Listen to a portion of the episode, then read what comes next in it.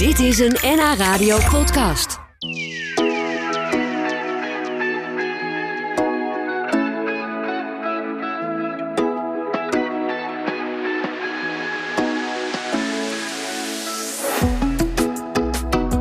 Mijn gast van vandaag is kookboekenschrijver, journalist en kookboekenverkoper ook, Jona Freud. En bij haar thuis aten ze vroeger gehakte memmish met kiezelsteentjes. Ja, dat zei haar moeder altijd als kleine Jona vroeg wat er die avond op tafel zou komen te staan. Het laatste, nieuwste kookboek eh, van de inmiddels eh, volwassen Jona Freud heet daarom natuurlijk Memmish. Een boek vol recepten uit de Joodse keuken van over de hele wereld. Jona, van harte welkom. Goedemiddag is het. Ja, goedemiddag. Ja, het is negen minuten voor, eh, voor één inmiddels. Eh, even over die memmish met kiezelsteentjes. Hè. Ik neem toch aan dat je niet echt die kiezelsteentjes voorgeschoteld kreeg. Nee, het grappige is, dat is natuurlijk een woord wat iedereen kent, kiezelsteentjes. Dus Ja. daarvan dacht ik ook altijd, dat is natuurlijk niet lekker. Nee, nee. Maar nee. dat memmish, dat, eh, dat sprak me dan altijd meer aan. Eh, dus vandaar dat ik... Ik heb ook altijd tegen mijn eigen kinderen overigens gezegd... als zij vroegen, wat eten we vanavond? zei ik ook altijd gehakte memmish met kiezelsteentjes. Toch Het weer, is- hè? Daar was hij weer. Ja, Ja, ja. het is gewoon een uitdrukking. Hij betekent niks. Memmish betekent ook niks voor de, het boek nu, eh, wat Memmish heet. Ja. Ja. heeft de titel meegekregen. Eh, heb ik dat helemaal uitgezocht. Oh, je bent tot- wel even gaan checken of er iemand want stel je voor dat het iets heel raars betekent. Dus ik heb inderdaad eh, echt wereldwijd, tot in Israël aan toe, zijn we gaan eh, nagegaan om te kijken of Memmish iets betekende.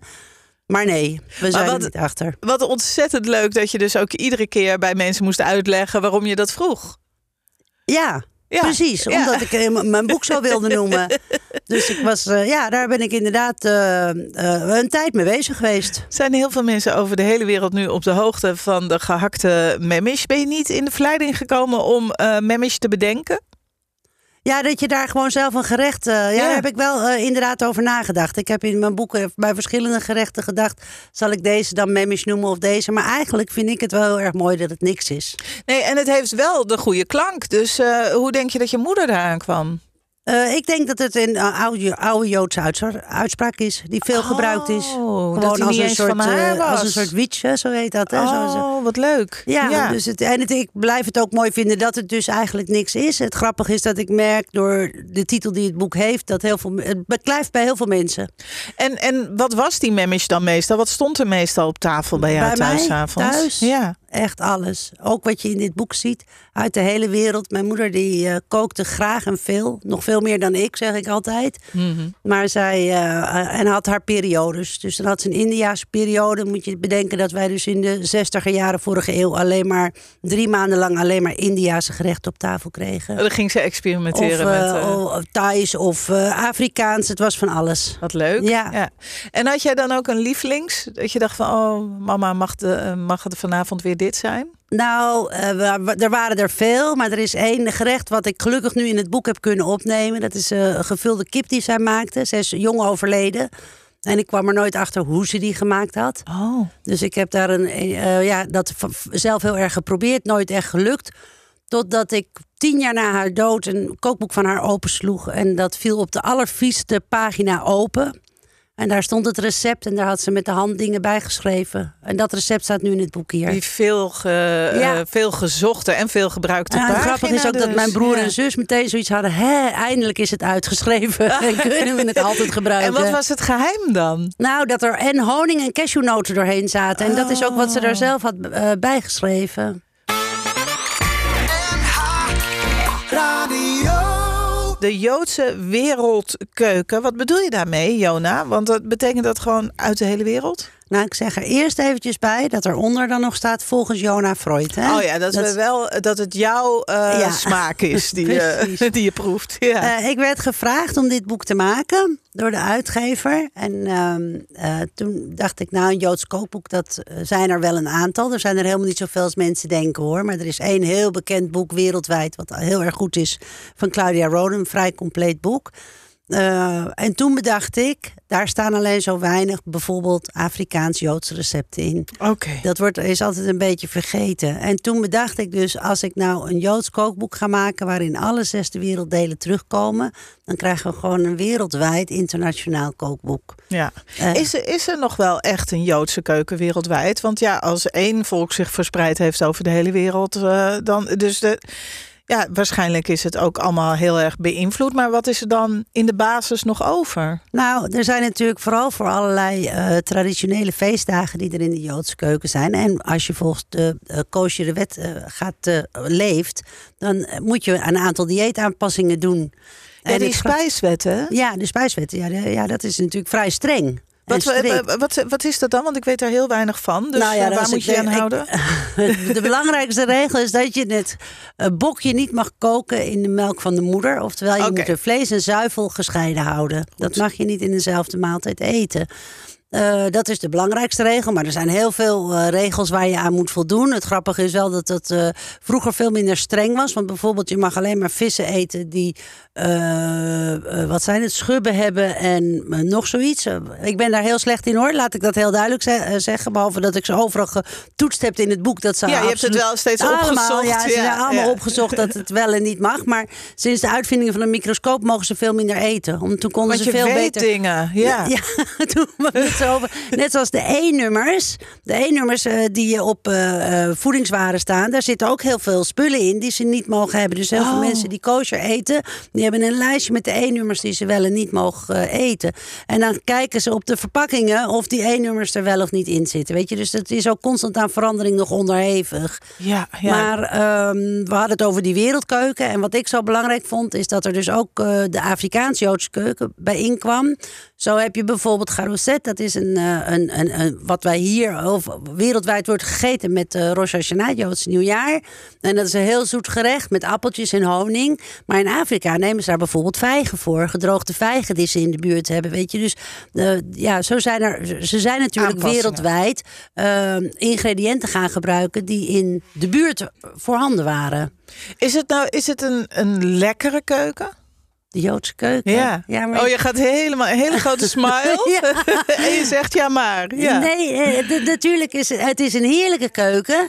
Uh, maar het is. Uh, kijk, iedereen die veganistisch eet eet volgens de Joodse wetgeving. Oh. Want dan ga je nooit. Zit je altijd goed? Zit je altijd goed. Oké. Dus we hebben op het moment, uh, in, zeg maar in de westerse wereld, hè, waar het veganisme natuurlijk uh, opeens heel erg op, in opkomst is geraakt de laatste jaren, zou je ook kunnen zeggen: van, nou, heel veel mensen die opeens volgens de de wetgeving eten. Nou, dus, waarom niet? Ja. Precies. Ja. Maar het is een heerlijke keuken. Ja, je mag geen varkensvlees eten. Nou ja, dat.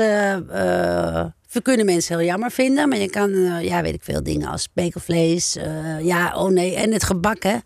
Heel veel zoetigheid, nou, ontzettend lekker. Oh, zegt sinaasappel, maanzaadcake. Ja. En, uh, ach, heerlijk. Nee, ja, ik ben nu uh, ook uh, als Afrikaans gerecht heb ik een variatie op de boterkoek. Hè, wat natuurlijk een heel bekend Joods ding is. Oh, is dat Joods? Ja. Oh.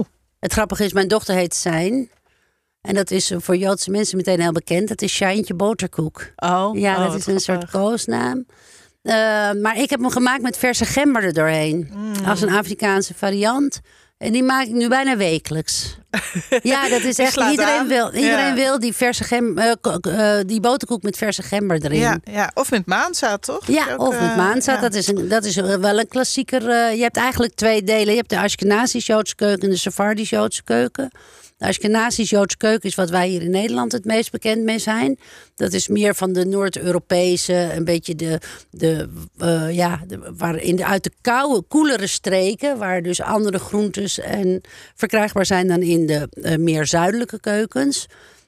En die Ashkenazische keuken is wat zwaarder. Uh, de Sephardische keuken is meer uit, het, uit de zuidelijke gedeelte van de wereld.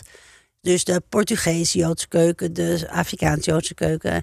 Eigenlijk ligt die mij meer. Maar wij zijn veel bekender altijd hier in Nederland met die uh, Ashkenazische keuken geweest. Even heel even, hè? wat is Keshiena? Keshiena, ja, dat is een, ja, dat is een grapje van mij. Maar bijvoorbeeld wat erin zit, dat is een uh, uh, Antilliaans gerecht... waarin uh, je vlees, en ik heb in dit geval vis, in een Edammer kaas stopt.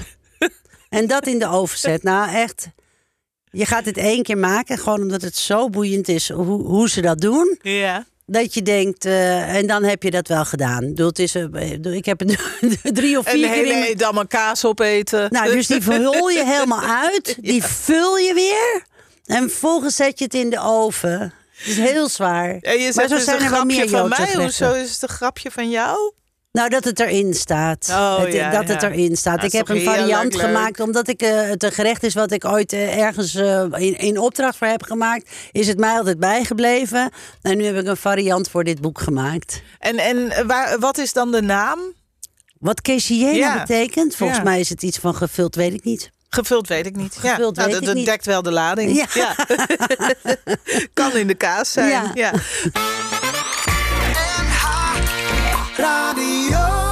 Ja. Dit boek is dan ook heel eh, bijzonder voor jou, hè? Ja, het boek heeft een, eh, voor mij een. eh, het is mijn meest persoonlijke boek tot nu toe geworden. Daar, dat viel mij op. Ja. Overigens smaakt dat wel naar meer, moet ik zeggen. Maar het is een.